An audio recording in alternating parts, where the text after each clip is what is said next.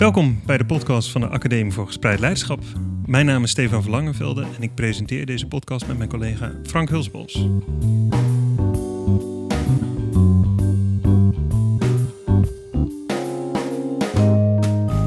Beste luisteraar, afgelopen jaar deed Frank samen met een netwerk van scholen in de regio Leiden, Duin en Bollenstreek een onderzoek naar het anders organiseren van de school. En onderdeel van dat onderzoek was het maken van een podcastreeks, waar Frank met schoolleiders, docenten en experts in gesprek gaat.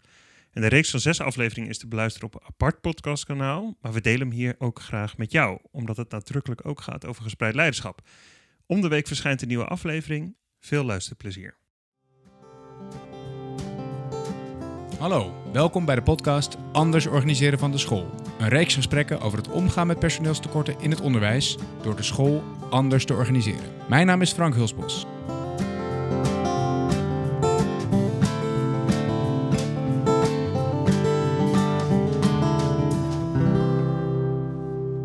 Door personeelstekorten moeten scholen met steeds minder mensen hetzelfde werk doen.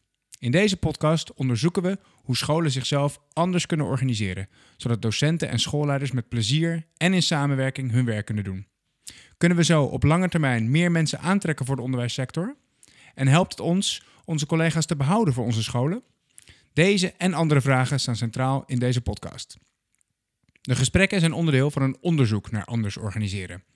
Ik doe dat onderzoek in samenwerking met een groep schoolleiders en docenten uit de regio Leiden, Duin en Bollenstreek. En ik ben de host van deze podcast. Tijdens ieder gesprek in deze podcastreeks bekijken we dit vraagstuk van personeelstekorten vanuit een ander perspectief. Vandaag spreek ik met Mark de Kieviet en Pieter Snatensen en we blikken samen terug op onze ervaringen met anders organiseren in het afgelopen schooljaar. En we formuleren zeven bouwstenen om anders organiseren in de school mogelijk te maken. Veel luisterplezier.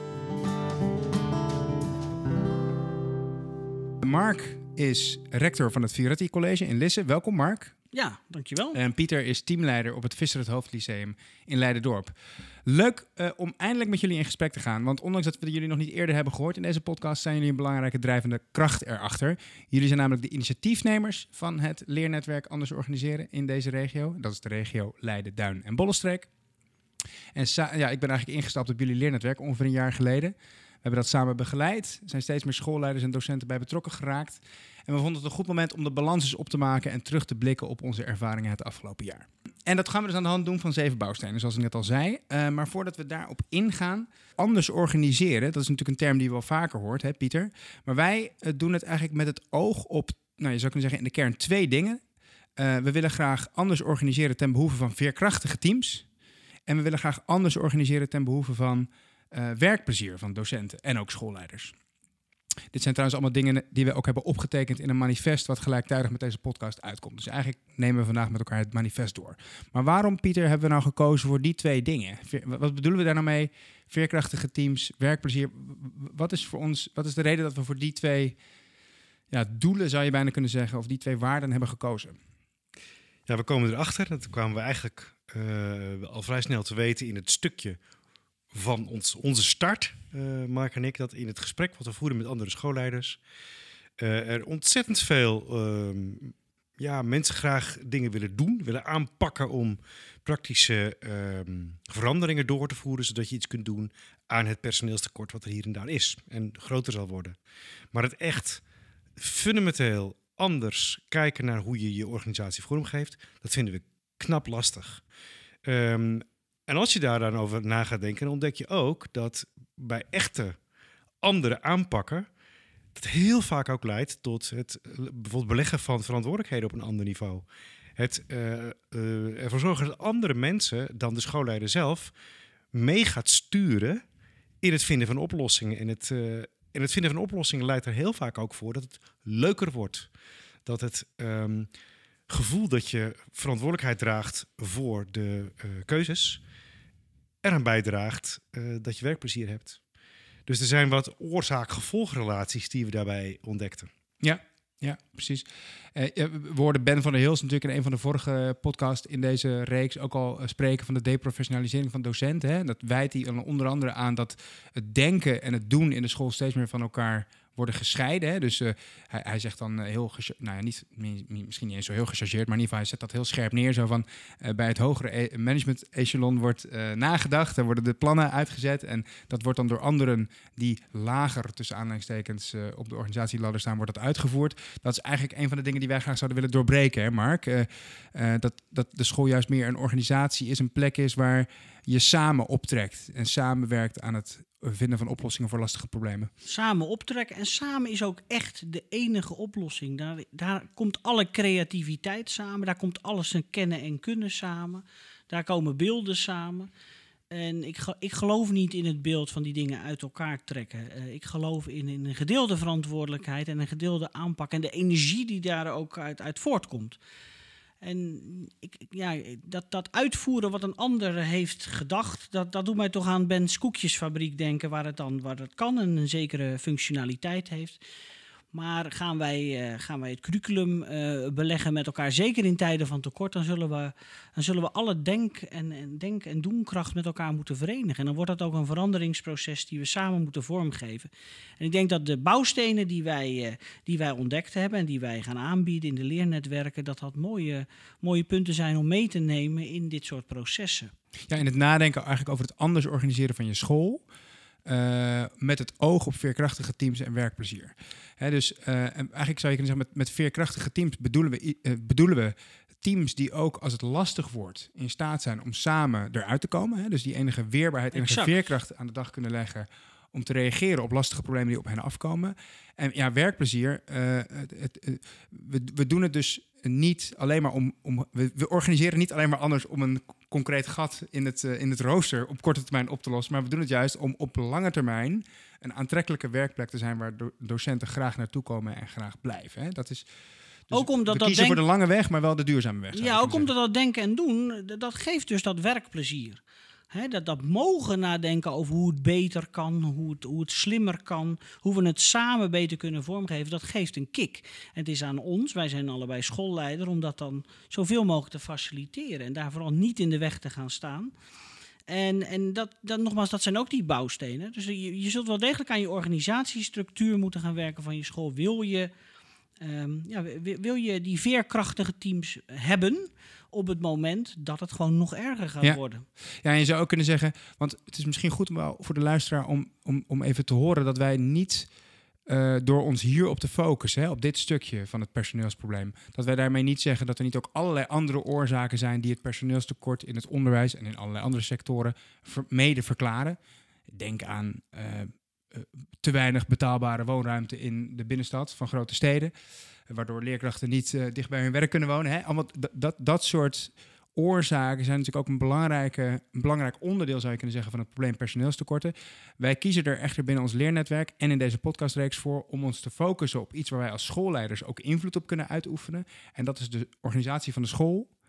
En dan kunnen we de organisatie van de school maar beter zodanig inrichten dat die bijdraagt aan werkplezier en veerkrachtige teams. Dat is eigenlijk een beetje hoe we zijn gekomen en hoe dus de luisteraar ook moet luisteren naar de zeven bouwstenen die we zo meteen gaan bespreken. Ehm, zullen, we ze, zullen we ze aflopen? Of eh, willen jullie voordat we dat doen nog een ander eh, eh, iets inbrengen ten aanzien van de problematiek? Of kunnen we er wel in, kunnen we erin duiken, denk je? Ja, ik denk dat het goed is om, om je te realiseren als je als schoolleider luistert, dat het best wel een, een stevige uitdaging is om eh, jezelf ook te realiseren dat waar je normaal gesproken je stevig verantwoordelijk voelt en vaak ook zeg maar je complimenten ontvingt van de mensen om je heen, dat het ook een stukje loslaten is, een stukje eh, resetten voor jezelf. Als je die bouwstenen eh, echt gaat omarmen. Ja, als het is niet een simpele aanpak. Het is geen toolbox alleen waar we het over gaan hebben. Nee, het zijn eigenlijk eh, het zijn echt letterlijk bouwstenen. Zo van, eh, het, zijn, eh, ik denk dat we perspectieven aanreiken. In, ieder bouwsteen zit, in iedere bouwsteen zit een perspectief.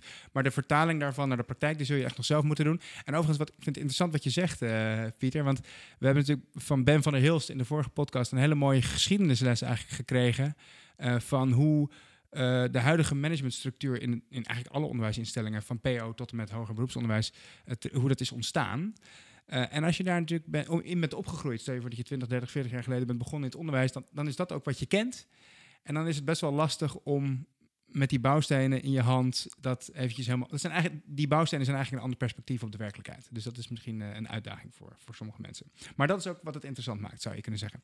Ik, ik loop ze eerst even alle zeven af en dan gaan we ze daarna stuk voor stuk bespreken. De zeven bouwstenen om anders te organiseren in de school. Bouwsteen 1.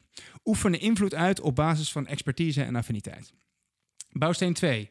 Organiseer samenwerking binnen het primaire proces. Bouwsteen 3. Verdeel het werk op basis van talenten en kwaliteiten van mensen. Bouwsteen 4. Zoek naar onderwijsvormen die uitgaan van eigen regie en autonomie van kinderen. Bouwsteen 5. Zet de bedoeling op de eerste plek. Dit is Wouter Hart uh, indachtig. En dan pas de structuur, de organisatiestructuur. Bouwsteen 6. De schoolleider mag zich overal mee bemoeien, maar nergens de baas spelen. Dit is misschien, ik zie jou al lachen, Pieter. Dit is misschien een beetje een van die bouwstenen die voor sommige schoolleiders uh, spannend zal zijn.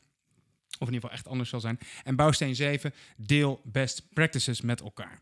En leer daarvan. Uh, laten we bij die eerste bouwsteen beginnen, uh, Mark. Oefen invloed uit op basis van expertise en affiniteit. Um, je zou kunnen zeggen, echt een, een kreet die komt uit de theorie van het gespreide leiderschap, hè? Ja, ja en, en daar zit hem ook in die, die weerbaarheid in. Hè? Op het moment dat mensen op, op expertise en affiniteit mogen meedenken, dan zie je zie ik altijd een energie-explosie. Dan zie ik wat, wat je flow noemt. Dan zie ik mensen gaan. En dan, en dan hebben ze ook die energie om anderen mee te nemen en om, om de, de, meest krachtige rol in dat teamverband te spelen. Dus dat betekent voor ons dat, dat, dat een docent is niet zomaar een docent of een werknemer. Nee, het is iemand met een hele talentenreeks en een hele expertise-reeks. En die, die, die moet je dus ook kennen en die moet ontdekt worden. En dat heeft een meerwaarde dus in je rol in, in die weerbare teams. En ja, dus zo iemand kan dus, ook in, kan dus ook in bepaalde situaties gewoon de leider zijn die wij ook letterlijk volgen, omdat de expertise daar ligt. En ik geloof er ook heel erg in dat we dan, dat we dan sterker worden. Dus. En wat is dat, in hoeverre is dat dan anders, Pieter? Even als jij kan, zou kunnen reageren op wat Mark vertelt. Want we, we presenteren dit als zeven bouwstenen van anders organiseren. Hè? Hoe, wordt, hoe, oefenen invloed, uh, hoe wordt invloed dan normaal gesproken uitgeoefend in, in, binnen, binnen scholen? Gaat dat dan veel meer op basis van positie en op basis van uh, nou, wie heeft de grootste mond? Of, uh, of zeg ik het dan te, te, scherp? Ja, ik denk dat het, ik denk dat het onderwijs wel in verandering is, wat dat betreft. Maar in de praktijk zien we dat er twee, eigenlijk twee verschillende situaties zijn. De normale situatie, waarbij in scholen echt de verwachting is dat we op een ja, wat democratische manier, op basis van veel draagvlak en veel consensus, ja. tot besluiten komen. of als het spannend wordt. Als het spannend wordt en er is een crisissituatie, dan wordt er eigenlijk verwacht dat er een, uh, een stevige Anglo-Saxische manier van Knoop wordt doorgehakt. Uh, dus die, het Rijnlands en het Anglo-Saxische loopt dan door elkaar in, in onze onderwijscultuur. en dat maakt het ook complex, omdat je die verwachtingen die je daarover hebt, dus ziet switchen tussen die twee perspectieven. Eigenlijk als je deze twee, ik vind dat een mooie analyse, Pieter, want jij zegt eigenlijk de twee dingen, de twee, nou ja, zeg maar gewone manieren die jij noemt, hè, demo, via democratische besluitvorming tot een consensus komen, of de sterke leider die een knoop doorhakt. Beide zijn eigenlijk niet wat we bedoelen met oefenen invloed uit op basis van expertise en affiniteit. Hè? Met die bouwsteen kan het heel goed zijn dat in een bepaalde situatie één iemand, of misschien een select groepje mensen, echt leidend is. Echt even de, het voortouw neemt. Maar dat doen ze niet op basis van een, een, een, een positie of een formeel mandaat of anciëniteit. Maar dat doen ze op basis van de kennis en de expertise die ze daarin kunnen brengen. En een gunning van collega's van, die zeggen: Wij vertrouwen jullie die invloed heel graag toe, omdat we weten dat we jullie expertise nodig hebben. Hè? En, en dat is eigenlijk een alternatief op die twee, zeg maar, meer voorkeurs of bekende strategieën die jij net noemt, die we kennen in veel scholen. Ja, en we hebben denk ik juist in de coronaperiode gezien dat scholen die dat durfden te doen, ja. heel wendbaar waren ja. in, uh, in, ja, inderdaad, in het kopen met. Hoe is dat op jouw school geweest dan? Zou je daar iets over kunnen zeggen? Ja, wij, uh, wij hebben denk ik wel uh, vrij snel ook gezegd, maar we zijn een relatief kleine scholen, hè? dat je, um, dat je binnen je teamverband op zoek kon gaan naar de mensen die, die expertise hadden als het gaat om Microsoft Teams en dat soort Ja. zaken. En in teamverband gingen we wel heel snel schakelen naar de mensen die er verstand van hadden. Maar eigenlijk was het heel snel goed. Hè? Iedereen ervoer uh, dat we het even niet wisten. Ja. Dus het was in die situatie ook wel relatief makkelijk om te leunen Om op de mensen stappen, met expertise. Ja. ja, en voor die mensen om daar dus ook op in te Want die, stappen. de, het, het gevoel van, van onvermogen was immers er overal. En we waren al vrij snel blij dat we oplossingen konden vinden voor de situatie die we nodig hadden. Ja, ja. Ehm, ja, Mark. ehm, eh, Nou, wat mag ik nog iets aan ja, ja, toevoegen? Want ik heb ook gang. deze ervaring heel erg uit het coronateam bij ons. We hadden een zogenaamde anderhalve meter werkgroep... waarin van brede, brede afvaardiging van collega's zat. Van docenten naar facilitair manager, naar roostermaker, ehm, naar schoolleiding. En daar werd in een volstrekte eh, egalitaire manier eigenlijk samengewerkt... op basis van expertise. Dus op het moment dat het om het gebouw ging of, of de ICT, dan was de facilitaire persoon echt degene die daar het voortouw nam. En dat was ingegeven dus door crisis, door urgentie, maar je, een fantastisch team eh, om, om eigenlijk op dat moment in te werken. En de betrokkenheid daarbij om, om samen dus eh, die co- corona, dat onderwijs in coronatijd eh, vorm te geven, was groot. Dus er zijn wel mooie voorbeelden die we uit de recente eh, Ja. ja, gebeurtenissen kunnen halen. Ja, en we, eh, eh, in ons leernetwerk hebben we bijvoorbeeld ook, de, en we hebben hem ook al eens eerder in deze podcast genoemd, hè, collega's van de Maria School op bezoek gehad, waar niet één directeur, maar drie docenten samen een soort leiders, een leidende functie hebben, een beetje de directeursrol op zich nemen. Dat is ook een school waar ontzettend veel werkplezier is, waar, waar, waar vacatures zo opgevuld zijn. Eh, waar eh, docenten ook heel erg veel on- ontwikkelmogelijkheden hebben, omdat ze bepaalde thema's, zich, op bepaalde thema's kunnen specialiseren en daar zich ook op kunnen ontwikkelen. En dus eh, dat invloed uitoefenen op basis van expertise en affiniteit, dat leidt echt tot meer werkplezier en ook een ja, sterker, sterkere teams. Waar het sociale eh, ehm, eh, netwerk heel sterk is en waar ze ook samen zich collectief verantwoordelijk voelen voor de opdracht die ze hebben. Eh, ehm, dus in die zin past het heel goed bij ons idee van anders organiseren. Het is wel goed trouwens dat je, wat je net zei, het is egalitair. Zo'n team die op basis van expertise en affiniteit wer- samenwerkt. Maar niet per se, het zijn niet per se mensen die allemaal hetzelfde zijn. Hè? Dat, sterker nog, verschil, verschillen in expertise, verschillen in wezenlijk. verschillen in kennis, is juist heel belangrijk om deze bouwsteen in de praktijk te laten slagen. Ehm, dat, dat is bouwsteen 1, hè? Eh, ja, mooi. Ik eh, word er heel enthousiast van. Hij relateert ook een beetje aan bouwsteen 3. en ik vind het daarom eigenlijk wel leuk om daar, daarom even eerst 3 te doen en dan 2. 3 is namelijk verdeel het werk op basis van talenten en kwaliteiten van mensen.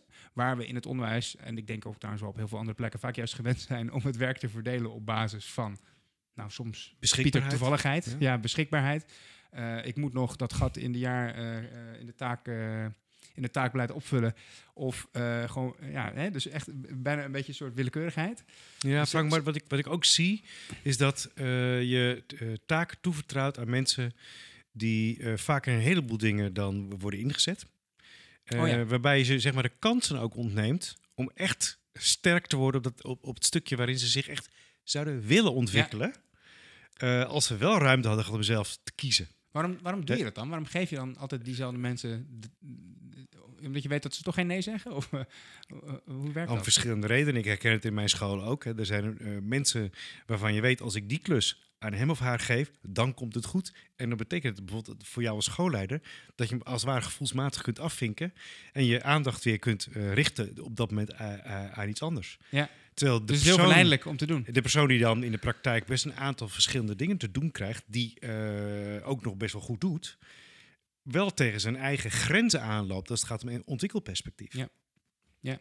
Maar het is voor jou als schoolleider heel aantrekkelijk, want je weet dat je dan eh, iemand hebt die het werk goed doet, dat die ook geen nee zal zeggen. Ehm, maar wij eh, houden eigenlijk een pleidooi met Bouwsteen 3, hè Mark, voor eh, eh, niet die manier van het werk verdelen, maar het werk verdelen op basis van talenten en kwaliteiten van mensen. Wat natuurlijk ook, en daarom relateert hij denk ik aan Bouwsteen 1, wat ook nodig is om invloed uit te oefenen op basis van je kwaliteiten en je expertise.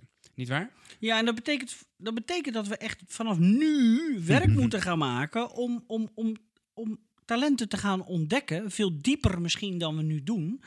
En dat we ook die kwaliteiten veel nog meer moeten benoemen. Wat ik er sowieso heel mooi aan vind, is dat het heel positief is. Hè? Je gaat op talenten zitten, je erkent verschillen tussen mensen, wat voor mij normaal is. En hetzelfde doe je dus met kwaliteiten. Maar, maar het staat haaks op dingen zoals eh, het functiewaarderingssysteem en wat je dan niet allemaal van een bepaald soort docent vraagt. Hè. Dat is vaak een soort superman, superwoman eh, dingen. Nee, als je gaat kijken naar talenten en je maakt het ook bespreekbaar onderling, de erkenning daarbij. De ontwikkeling daarbij, hè, want ik herken wel wat Pieter zegt. Het kan ook zijn dat je, dat je mensen hebt die redelijk goed tot goed in alles zijn. En die ontnemen in zekere zin ook andere collega's. Specialisatie. ja. Ehm, maar deze kennis dus brengen, naar, eh, brengen in de school, dat als iets positiefs zien, daar actief aan werken, is denk ik heel waardevol voor die weerbaarheid die we willen naar de Ja. toekomst toe. En, en we, we- ik vind het wel interessant dat je dat, dat je dat nu zegt. Daar gaan we nu niet nader op in. Maar dat betekent inderdaad dat we waarschijnlijk tegen allerlei dingen aanlopen die we gewoon zijn om te doen. Die we dus eigenlijk zouden moeten afbreken bijna. Of waar we mee moeten stoppen. Om het juist mogelijk te maken om te werken op basis van talenten en kwaliteiten. Ja, en wat ik wil noemen, Frank, is de erkende ongelijkheid. De erkende ongelijkheid die ik zo graag bij leerlingen zie en waar soms collega's niet aan willen, wil ik ook onder collega's. Erken dat mensen ongelijk zijn, talenten hebben en kwaliteit en dat dat hartstikke veel waard is. Ja. Mooi. Bouwsteen 3 is dat. Dus gaan we even terug naar bouwsteen 2. Want nou, bouwsteen 1 en 3 die relateren dus heel sterk aan elkaar. Maar bouwsteen 2 was eh, organiseer samenwerking binnen het primaire proces. En dat, is- dat is dat, met name dat laatste binnen het primaire proces is erg belangrijk. Wat wij vaststellen, en daar hebben we het met Ben ook al wel over gehad in de vorige podcast, is dat samenwerking wel plaatsvindt in scholen, maar vaak buiten het primaire proces. Dus vaak op dinsdagmiddag aan het eind van een lange dag. Eigenlijk moet je de lessen van morgen nog voorbereiden. En je hebt al een hele dag les gegeven, dus en dan moet je nog met je sectie gaan zitten. Of dan moet je nog met die werkgroep flexibel roosteren gaan zitten. Of, en dat is dan vaak toch te veel, eh, belastend. eh, ja, verzand als je niet uitkijkt in oeverloze discussies. Eh, en daardoor is samenwerking ook een beetje een. Ik- Tenminste, dat is een beetje mijn analyse hoor, Pieter. Ik weet niet hoe jij dat ziet. Eh, ook, een, ook een beetje een. Ja, het, wordt ook een beetje een. eh, een besmet iets bijna. Hè? Iets waar mensen vooral eh, last van hebben en niet iets waar mensen plezier aan ontlenen en eh, iets aan hebben. Is dat, is dat, iets, is dat een, een probleemanalyse die jij herkent of ben ik dan te scherp? Ja, terwijl je aan de andere kant ook merkt als je eh, met groepen docenten aan de slag bent, ze vaak heel erg veel waarderingen voor hebben op het moment dat het echte goede gesprek over onderwijs wordt gevoerd. En dan kijken ze vaak met heel veel plezier terug naar eh, dat soort flow-momenten. Het erover hebben, het echt, eh, eh, als de basis van vertrouwen er is en als ze veilig zijn in elkaars aanwezigheid, dan zie je dat dat eh, vaak wel als nuttige tijd wordt gezien. Ja. Maar ik denk dat de belangrijkste ehm, aan- aanpassing zeg maar, in onze werkwijze zou moeten zijn dat we docenten samen verantwoordelijk maken voor het stukje ontwikkeling van kinderen. Ja. Dus als samenwerking in het primaire proces beter op gang eh, gaat komen, dan zien we dat als groepen collega's samen verantwoordelijk zijn voor ontwikkeling van leerlingen. En dat het los dus komt van jouw eh, vak, van de vakschotten die er vaak zijn. Van SEC, de vakschot. Ja, eh, in, in scholen. Dus dat, dat gaat dan ook best wel een beetje meer lijken op datgene wat we bij het primair onderwijs zien. Waarbij je de verschillende dingen die er bij kinderen tot ontwikkeling komen, of ook belemmeringen die weggenomen moeten worden, eh, verantwoordelijk, de verantwoordelijkheid daarvan bij groepen docenten eh, Ja. legt. Ehm, complex, maar wel heel belangrijk, denk ik. Ja, dus eigenlijk voeg je nog wat toe aan de bouwsteen zoals die er nu staat. Die zegt dus samenwerking binnen het primaire proces, maar ook een gezamenlijke verantwoordelijkheid binnen dat primaire proces voor een groep kinderen. Hè, als, En voor de ontwikkeling. Voor de dus eh, het, het er naar kijken, erop reflecteren, ja. interventies samen afspreken. En, en, en dus ook het inleveren van een stukje van je autonomie als, eh, als vakdocent in het VO. eh, t- ter wille van die gezamenlijke eh, Ja. aanpak. Ja, dat doet me ook wel een beetje denken aan eh, eh, wat Ben eh, vaststelt. Hè? Dat, dat, dat, dat heel veel van die eh, samenwerkingsverbanden in het onderwijs eigenlijk weinig eff- effect hebben. Bijvoorbeeld een werkgroep, eh, een, be- een bepaalde werkgroep, die los van het primaire proces aan, aan een bepaalde ontwikkeling werkt. Die probeert dan invloed te hebben op de kwaliteit van het onderwijs, maar dat komt vaak heel lastig van de grond. En wat we volgens mij met, dit, met deze bouwsteen ook bepleiten, is dat je die samenwerking in het primaire proces kunt borgen. En dat dan de vraagstukken en de problemen zich vanzelf voordoen. En dat je daar dan samen ook verantwoordelijkheid voor kunt nemen. Voor de oplossing daarvan. Toch, eh, Mark? Ja, veel meer aandacht voor wat er in die klas gebeurt met die, die lerende leerling of die zich ontwikkelende leerling. Ja. Dat, dat, je, dat je daarover hebt met elkaar. Dat je daar je energie en tijd aan besteedt. En dat kan op vele manieren, maar dat, dat, dat, dat is wat voor mij het primaire proces. Gewoon dat kind in die klas met Ja. anderen. Daarover met elkaar praten, je daar verantwoordelijk voor voelen. En, en, en, en dat niet twee keer per jaar doen zoals bij ons, hè, bij, rapportvergaderingen. En dan, dan komt er van alles in te weinig tijd. Nee, dat is eigenlijk waar je het meest met elkaar over moet praten. En dan komen die andere dingen die ondergeschikt zijn en onderzoekend of eh, aan dit ideaal dat je het doet voor die, dit lerende kind in die klas. Mooi. Bouwsteen 4. Zoek naar onderwijsvormen op basis van eigen regie en autonomie van kinderen. Eh, dat is misschien wel de meest prikkelende bouwsteen. Eh, we, ik denk ook niet dat we met deze bouwsteen bepleiten dat eh, nou ja, bijvoorbeeld kennis en kennisoverdracht er helemaal niet toe doet. Maar we bepleiten wel dat de eigen regie en autonomie van kinderen veel meer een plek zou mogen krijgen binnen onze onderwijsconcepten. En dat dat zowel voor kinderen, voor leerlingen, bevorderlijk is voor hun leerplezier en voor hun betrokkenheid bij het onderwijs, maar ook voor leerkrachten zelf veel aantrekkelijker is om eh, aan mee te doen. En eh, eh, in dat kader hebben we een heel boeiend gesprek gehad binnen ons leernetwerk met Ilja van Santen, de initiatiefnemer van Agora Leiden. We gaan haar overigens binnen deze podcastreeks ook spreken. Na de zomer zal ik bij haar op bezoek gaan. Ehm, ja, m, eh, is, is, hoe kijken jullie daarnaar? Is eh, eh, eh, autonomie en eigen regie als belangrijke elementen in het nadenken over onderwijs? En op, op welke manier zijn jullie daar bijvoorbeeld op school mee bezig, Pieter?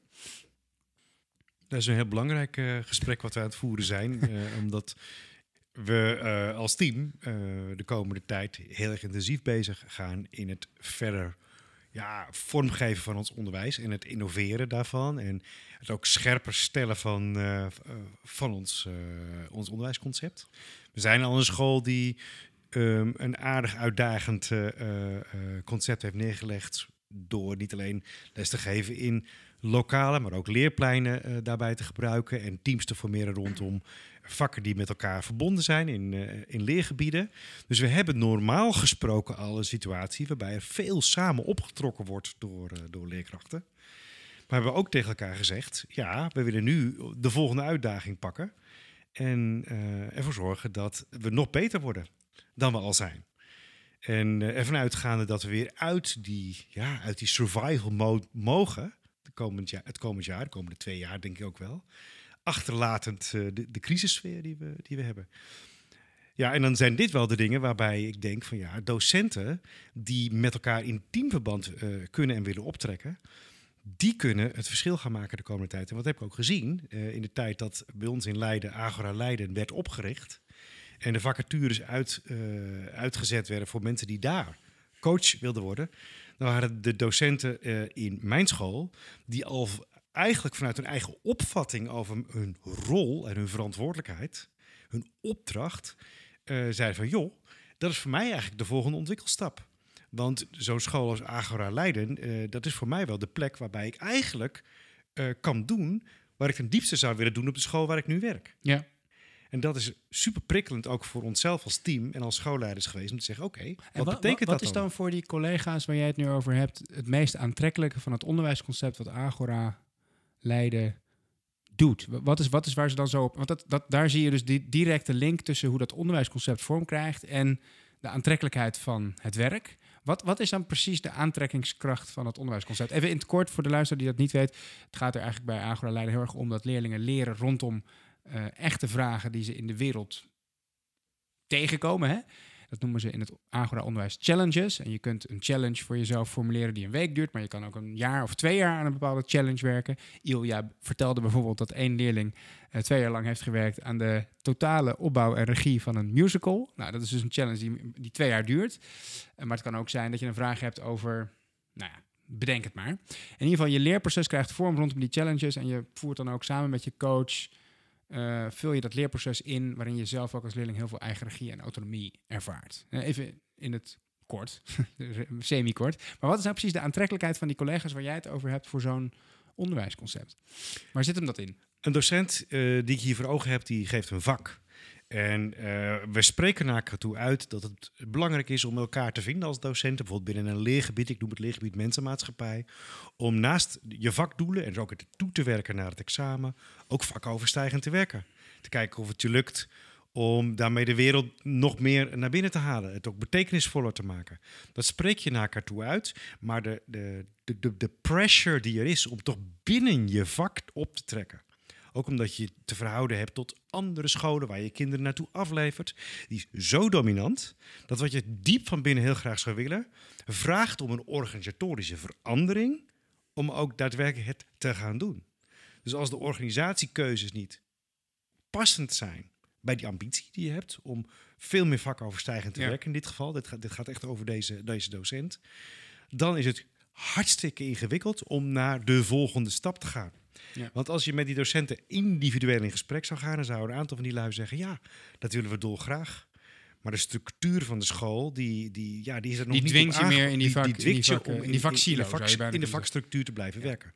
En dat geeft je ook een stukje eh, voorspelbaarheid, maar ook dat maakt het werk daarmee natuurlijk ook makkelijker te organiseren. Eh, je bedoelt de, het In de huidige situatie. in De huidige, school. situ- ik wou net Ja. zeggen, de huidige situatie Ja. maakt het wat afgebakender. Zeker. Eh, Je hebt die afbakening dus eigenlijk nodig in de huidige situatie om overzicht te hebben over je werkzaamheden. Eh, Mark, ik begreep dat er bij jou op school een aantal collega's zo geïnspireerd zijn geraakt door het verhaal van Ilja van Santen, dat ze zelf ook eh, na aan het denken zijn toch over het Agora-onderwijs, of in ieder geval een bepaalde vorm van Agora-onderwijs. Of, Zeker, zeker als, als, als, als alternatief binnen de reeks van wat wij als stichting aanbieden, moet ik wel zeggen. In, al klopt absoluut. Dus die waren enorm gegrepen door, door dit initiatief. En die zijn daarmee. eh, ja, die zijn ermee aan de haal gegaan en die zijn daar nu over aan het brainstormen en dat zingen. Dus dat is heel mooi. Dat zegt iets over de inspiratie wat het brengt. En wat Ilja in mijn ogen goed kan, is gewoon is, is, is, is op die intrinsieke motivatie van die leerling maximaal gaan zitten. Hè, door die challenges. En dat is wat mij betreft ook op de oproep hoor. Want zelf werk ik op een veel conservatievere, nou ja, traditionelere, ouderwetse, hoe je het dan ook noemt, school als, als Agora. Nou, wat ik aantrekkelijk vind, is ook het zoeken naar daar waar die leerling aangaat en waar dat vlammetje van die leerling zit voor bepaalde onderwerpen, voor bepaalde ruimte. Dus het is een oproep aan docenten om die leerling te zien, om die ruimte te zien, om te zien daar waar die leerling aangaat. En dat kan in mijn. Ja, bij, bij Agora hebben ze heel veel, ehm, heel veel eh, veranderd. Eh, maar je kan ook die andere onderwijsvormen volgens mij in meer reguliere Ja. situaties doen. Nee, precies. We, we, we bepleiten hier ook niet dat iedere school een Agora-school moet worden. Maar eh, het is wel een mooi, ja, zou je bijna kunnen zeggen, een soort extreme case. Hè? Een soort extreem voorbeeld van hoe dat in de praktijk vorm krijgt. En daar kun je natuurlijk als meer, nou, je noemt het zelf meer reguliere school, ook, ook lessen uittrekken. En dat is dus niet alleen maar bevorderlijk voor de intrinsieke motivatie van leerlingen, denken wij, maar dus juist ook voor het werkplezier Jij vroeg ook aan Pieter, waar gaat nou Ja. de docent op aan? Ja, Die docent gaat aan omdat hij voelt, ziet, ervaart dat die leerling wil leren. ja. Want een docent wil niks liever dan dat een leerling leert. En in dit systeem zie je die leerling dus eh, bijna ja, willen leren. Ik herken dat ook zelf als docent. Dat wanneer dat gebeurt, dan moet, je daar, dan moet je daar als het ware mee op pad gaan. Dan moet je maximaal stimuleren. En dan, ja, dan is eh, leerdoelen, lesstof, oké, dat is één ding. Maar het is vooral die leerling die op dat moment zo lekker wil leren. Ja. Dus dat kunnen we meer de ontwikkeling van kinderen centraal en dat ook zichtbaar maken en minder sec. Kijk, het is trouwens wel goed om weer even te benadrukken. Daarmee zeggen we niet dat er niet zoiets is als kennis. En dat je als docent ook een expert kunt zijn op een bepaald vakgebied. En dat je dat ook zeker moet overdragen. Hè. Dat, is, dat, dat staat allemaal buiten kijf. Maar op deze manier zet je de ontwikkeling van kinderen eigenlijk weer op de eerste plaats. En eh, eh, eh, ja, wordt, wordt, wordt alle, alle, alle, alle weerwar daaromheen ondersteunend in plaats van op de, komt dat dat Ja. op de eerste plek komt. Trouwens, over dingen die op de eerste plaats eh, behoren te komen, gaan we even naar bouwsteen 5. Eerst de bedoeling, dan de organisatiestructuur. Die hebben we natuurlijk heel goed gejat van Wouter het Hart, hè? die, daar, die daar een heel mooi boek over heeft geschreven, een tijdje geleden alweer.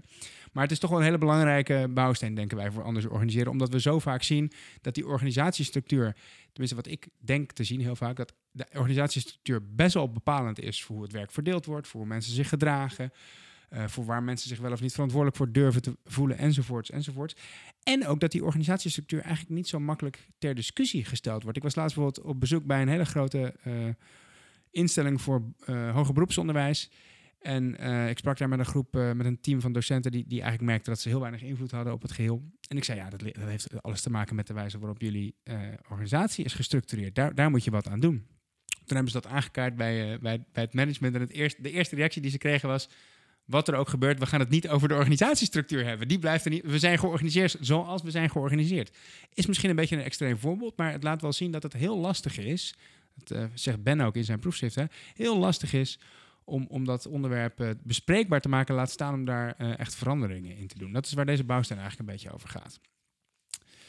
Hoe is dat? eh, hoe, zie jij dat, Pieter? Want, is dat inderdaad zo'n zo'n dwingend keurslijf? of of is, is er ook wel wat meer ruimte dan ik nu misschien schets? Ja, maar je werkt met mensen en mensen hebben, hebben kaders nodig waarbinnen ze zich prettig kunnen voortbewegen in hun werk. Dus het, het veranderen van, van de organisatie eh, is niet iets wat je eventjes zomaar doet. Eh, we zijn zelf in ontwikkeling als school en we gaan de komende twee jaar in onze school, omdat we ons hebben aangesloten bij het Dalton-netwerk, een aantal dingen doen in, in, onze, ja, in onze innovatie. Waarbij het kan zijn dat de organisatorische keuzes die we tot nu toe hebben gemaakt, eh, worden aangepast, worden veranderd. Maar we hebben wel tegen elkaar gezegd, we gaan, een, weer, we gaan weer op reis de komende tijd. Maar we gaan niet die organisatorische keuzes aan de voorkant eh, al maken. Hè, de, beeldvorming is dat je eh, je aansluit bij een, een groep scholen die allemaal dezelfde keuzes maakt. Dat is niet het geval. Eerst gaan we met elkaar opnieuw kijken van, oh, maar wat is nou die onvervangbare waarde? Wat is nou die bedoeling van onze school? Eh, hebben we die weer scherp op het netvlies met elkaar? En hoe zit het dan met, eh, met, die, met die kernwaarden die je wilt omarmen? En welke richtinggevende uitspraken wil je vervolgens daarna pas dus doen over je eigen handelen? Ja. Wat zijn dan de werkstandaarden bijvoorbeeld die je met elkaar wilt afspreken? En pas daarna zeg je, oké, we hebben het weer scherp hoe we ons onderwijs willen maken met elkaar. En is dan de organisatie die we tot nu toe hebben helpend? Ja. En kunnen we eh, eh, de organisatie dan veranderen om het helpender te krijgen, zodat de manier waarop je onderwijs wil maken eh, beter gaat lukken? In die volgorde. Ja. Maar we hebben wel gezegd, we gaan die vraag stellen aan elkaar. Eh, de organisatie is niet vast. Nee, precies. Nou, mooi. Dus in die, ja, maar dit, dit- is dus, eh, eh, eh, aan de ene kant eh, ontkracht je een beetje mijn punt, aan de andere kant be- be- bevestig je het ook. Dus het, het is wel iets wat je dus echt heel nadrukkelijk eigenlijk eh, je- jezelf moet voornemen. Hè? Zo van dat je het in die volgorde met elkaar bespreekt. Zo van eerst je opvattingen over onderwijs, dan wat betekent dat voor mijn professioneel handelen en dan welke organisatiestructuur is daarbij leidend.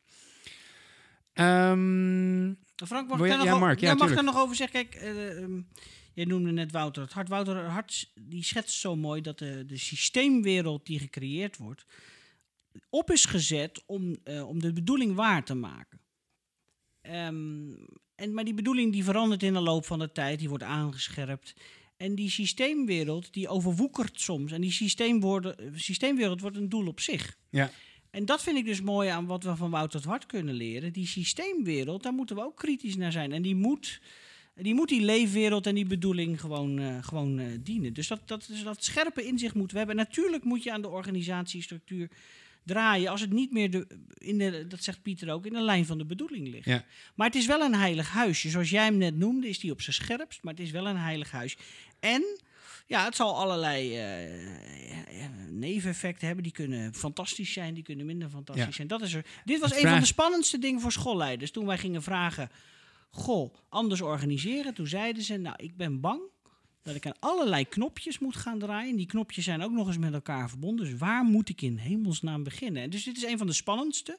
Maar wij zeggen hier gelukkig, ja, nee, het is geen heilig huisje. Neem me mee. Ja, en eh, mooi hoe je dat schetst. Het vraagt dus ook enig lef hè, eh, om, om dat aan te durven gaan. Om, juist omdat het een heilig huisje kan worden. Omdat het, eh, zoals Wouter het Hart dat zo mooi zegt, de, de- het andere een beetje kan gaan overwoekeren. Dus het Ja. wordt daarmee ook een, een soort hele dwingende structuur waar je, waar je moeilijk afscheid van denkt te kunnen nemen. Wij bepleiten juist dat, dat, dat, dat je dat wel kunt en moet doen. Bouwsteen 6. Eh, de schoolleider mag zich overal mee bemoeien, maar nergens de baas spelen. Dat is eigenlijk. dus in die zin heeft hij ook wel veel van doen met de bouwsteen 1. Oefenen invloed uit op basis van expertise en affiniteit. Want natuurlijk heeft ook de schoolleider expertise en affiniteit die we nodig hebben. Hè? Soms, als ik met schoolleiders spreek over gespreid leiderschap, dan, dan zeggen ze: Oh, dus dan mag ik er straks niet meer zijn. Nee, dat is zeker niet wat wij bedoelen. Ehm, maar het, het is vooral van belang. ehm, dat je, dat je niet de baas gaat spelen omdat je nu eenmaal de schoolleider bent. Maar dat je dat je, je, dat je, je bemoeit tussen aanleidingstekens met initiatieven of met ontwikkelingen. Omdat ook jij wat in te brengen hebt. Ehm, is dat inderdaad een hele lastige, denk je, ommezwaai voor veel schoolleiders? Pieter? Ja, dat vind ik Of- lastig om te zeggen. Ehm, ik, denk, ik denk dat er eh, best heel veel schoolleiders zijn die die, die, die cultuur in hun school eh, al ervaren. Waarbij ze eh, zich dienender ook eh, in- in- inmiddels kunnen opstellen naar hun team. Die al heel erg ehm, ervaren dat die verwachtingen gedeeld worden. Waarbij hun team en zijzelf eh, met elkaar in sync zitten wat dat betreft. Het is lastiger als je in een school merkt dat er verschillende opvattingen, verschillende verwachtingen zijn die naast elkaar kunnen bestaan. Waarbij je met, eh, door, door het ene te doen een deel van je groep eh, als Ja. het ware een plezier doet. Ja, ja, ja. En een ander deel van de groep niet. Dus je, je hebt dat gesprek met elkaar goed te voeren, zodat je al die onuitgesproken verwachtingen wat dit betreft is op tafel hebt gelegd. Ja, dat kun je op allerlei manieren doen. Ik was laatst in, in Zoetermeer bij een schoolleider Roderick Rot. Ik wil hem een compliment geven. Hij heeft een spel ontworpen dat hij met, eerst met zijn eigen schoolleiding heeft gedaan. En daarna eh, per team, zijn, zijn teamleiders heeft laten doen met, eh, met, met, met elk lid van het team. Waarbij ze met elkaar expliciet ook hebben gemaakt. Maar wat zijn nou de verwachtingen? Ja. En wat zou je normaal gesproken eh, doen? En wat zou je eigenlijk willen dat er gebeurt? Nou, als je dat doet met elkaar, dan vind ik het echt een soort van voorwaarde voordat je eh, als schoolleider dat andere gedrag eh, gaat laten zien. Je moet het wel met elkaar hebben besproken. Ja, ja, ja. Ja, misschien dat er inderdaad toch nog eh, ook mensen in het team zijn die juist verwachten dat je wel degelijk die baas bent af en toe. Hè? Die, die, die krachtige leider bent, die, die de knopen doorhakt. En, en als je dat eigenlijk niet meer zou willen, als je je wel overal mee wil bemoeien, maar nergens de baas wilt spelen, dan moet dat wel helder zijn, bedoel je. Dan moet dat wel duidelijk zijn dat dat, dat je insteek is. Nou, er moet ook geen misverstand zijn, denk ik, over de verantwoordelijkheid die je als schoolleider draagt. Als eindverantwoordelijke. Waarbij Ja, je natuurlijk wel, je wilt procesbegeleider zijn, je wilt kaders eh, helder hebben. Maar je, je rol is om het proces zo te organiseren dat dat gebeurt. Ja, maar je, je, je hoeft niet de baas te spelen om die, om die eindverantwoordelijkheid Nee. te nemen, toch? Nee, precies. Oké. dat, dat, Oké. Eh, Mark, jij bent al een hele tijd eh, schoolleider. Eh, ben je steeds minder of ben je steeds meer baas geworden? Nou, het is wel leuk. Een collega zei laatst van mij, ja, als ik altijd als ik bij jou binnenkom, dan, eh, dan hoop ik dat er een probleem opgelost wordt. Maar ik ga gewoon met hetzelfde probleem weer weg. met veel vragen met, weer weg. eh, met, met veel, ik ben wel wat wijzer geworden, maar ik ga het toch zelf oplossen. En ehm, dat is wel een mooi punt, denk ik. Je hebt wel een deel van onze schoolleiders die graag knopen doorhakken. En besef je wel dat als je dat doet, dat je ook alle verantwoordelijkheid op je neemt. Bijvoorbeeld, ehm, als jij de schoolleider bent die, eh, die, die mensen aanneemt. Ja, wat verwacht je dan nog van, van, van vakbroeders van die persoon in een bepaald soort vak? Hè? Dat is, als jij nou degene bent die dat doet, ja, dan gaan mensen ook naar jou zitten staren van jij bent degene die daar de knoop doorhakt. Doe jij dat maar. En dan kan ik het wel of niet mee eens zijn. Ik denk dat het uitgesproken aantrekkelijk is om die meer coachende rol te hebben, die bevragende rol. Lees het eens bij Ben van de Hils na wat je niet allemaal voor spannende, leuke dingen kan doen. En als eindverantwoordelijk schoolleider wil ik wel noemen, ja, vanuit de bedoeling kan je heel veel. Je moet heel krachtig staan vanuit je bedoeling. Want een eindverantwoordelijk schoolleider is bij uitstek iemand die die bedoeling eh, ehm, eh, voelt Ja, en uitdraagt. ziet en, en uitdraagt en ook bevraagt. En uiteindelijk ook vanuit die bedoeling wel degelijk knopen gaat doorhakken. Want dit hebben we met elkaar afgesproken. Dus, dus het, het- het- dat blijft. Alleen het wordt veel aantrekkelijker om, om te kietelen. Eh, uit te dagen, om uh, aan Inhoudelijk groepen mee te denken, docenten, zou ik ook om, echt inhoudelijk, zeggen, om, om zelf om, om tot, een, tot een oplossing te komen. Omdat die veel duurzamer is, omdat die uit de groep zelf is gekomen. Ja. Ja. Ja. dit is ook echt inderdaad een bouwsteen die heel erg sterk relateert aan het idee van ehm, veerkrachtige teams. Zijn teams waar, team, waar teamleden zelf verantwoordelijkheid dragen en kunnen nemen voor hun werk. Hè? Precies. En, en niet teams die op het moment dat het lastig wordt een, een bovengestelde nodig hebben om tot een oplossing te komen. Dus daar relateert deze bouwsteen natuurlijk heel sterk aan. Dat vraagt dus ook echt iets, eigenlijk is wat wij hiermee zeggen van hoe de schoolleider zich opstelt. Laatste bouwsteen. Eh, ja, misschien wel een beetje, zou je kunnen zeggen, de, de, de bouwsteen die alles bij elkaar brengt. Eh, dat, dat is het advies eigenlijk eh, aan, aan onze collega's om binnen de school en tussen scholen best practices van anders organiseren met elkaar te delen en daar ook van te leren. Eh, we weten dat er al ontzettend veel gebeurt binnen onze regio op het gebied van anders organiseren, dat we daar meer of minder succes mee boeken. en, en het is ontzettend waardevol om zowel die succesvolle als die minder succesvolle practices met elkaar te delen en, daarover, en daarvan te leren. Eh, gebeurt dat een beetje eigenlijk? Is dat iets wat makkelijk van de grond komt, Pieter? Dat valt eigenlijk best wel tegen. Hm. En dat komt ook omdat je in de praktijk eh, toch op zoek bent naar de, de oplossingen voor de relatief korte termijn problemen. En dat het samenwerken Ja. tussen, tussen schoolleiders vaak ook heel pragmatisch van aard is.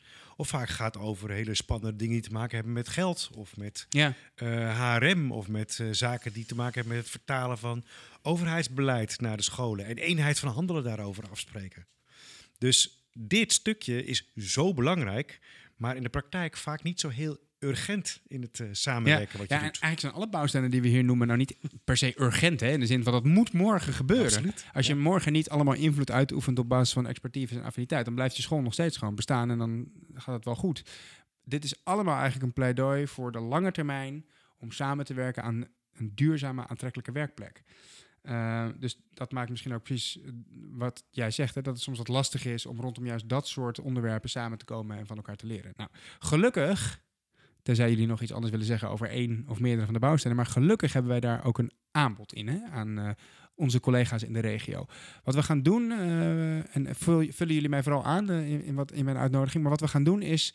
De, direct na de zomer gaan we met zoveel mogelijk schoolleiders uit onze regio in gesprek. Met het manifest in de hand, dus de zeven bouwstenen in de hand, gaan wij in gesprek met onze collega's in de regio.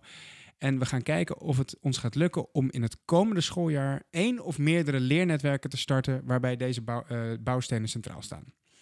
En het idee van de leernetwerken is niet alleen maar om kennis te delen, dat doen we ook, kennis delen, ervaringen delen, maar ook om in de praktijk te experimenteren met anders organiseren op basis van deze bouwstenen. Dus we gaan ook echt proberen om dingen anders te doen, te proberen dingen anders te doen en daar dan van te leren. Van wat, ja, hoe is het nou om het werk te verdelen op basis van talenten? Wat, hoe, wat doet dat dan met mensen? En hoe kun je dat nou precies in de praktijk vormgeven? Dus het is aan de ene kant kennis delen en uitwisselen, maar het is juist ook inderdaad vooral dingen in de praktijk anders doen.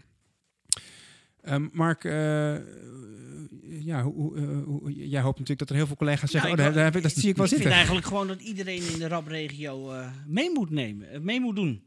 Ehm, dus dat zou ook hierbij mijn oproep zijn. Alle scholen die bij de, de RAB aangesloten zijn, doe mee. Eén of meerdere mensen, doe mee in die, in die leernetwerken.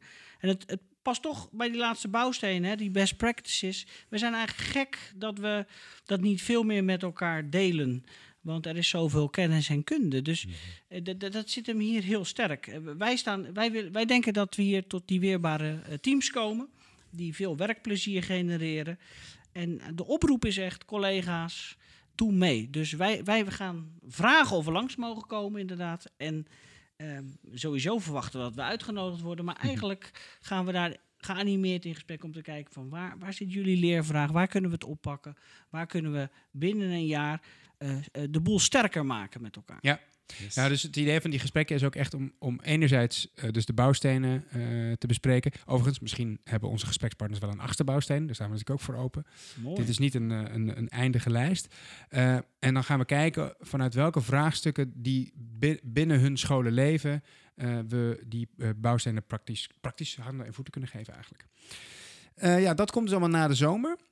Ehm, willen jullie nog eh, iets toevoegen aan wat we hebben besproken? Even zo terugblikkend op alle zeven bouwstenen. Het- het- ik, mijn gevoel, als ik hem dan zelf even zo mag, mijn gevoel is toch wel dat eigen regie, meer regie bij docenten een hele belangrijke kern is.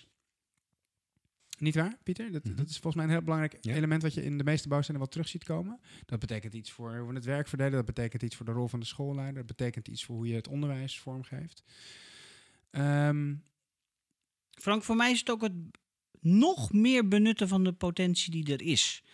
ja, Hè, dus, Ja. dus als je het met minder mensen moet gaan doen, en die, dat is vrijwel zeker op, op de middellange en korte termijn, dan is het mooi dat we nog scherper en nog beter en nog meer samen de potentie die er is benutten. Want daar kunnen we nog de slag, staan, slag slaan om waar te maken wat de belofte is die we hebben eh, ten opzichte van onze leerlingen. Dus dat vind ik er mooi. Dat we, dat we gaan gewoon de diepte in. We, gaan, gaan, eh, ja, we, maken nog meer gebruik van wat er eigenlijk al is.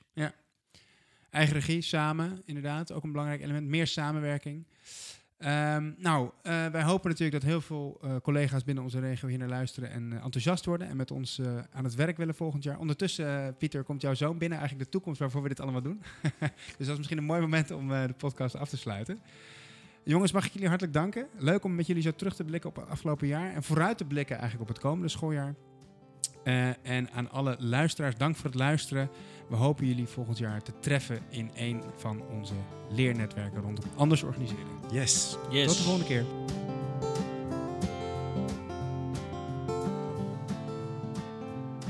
Dank voor het luisteren naar de podcast Anders organiseren van de school. Met vragen of opmerkingen kun je me mailen op frank.gespreidleiderschap.nl En geef ons zeker een rating of review in je favoriete podcast app.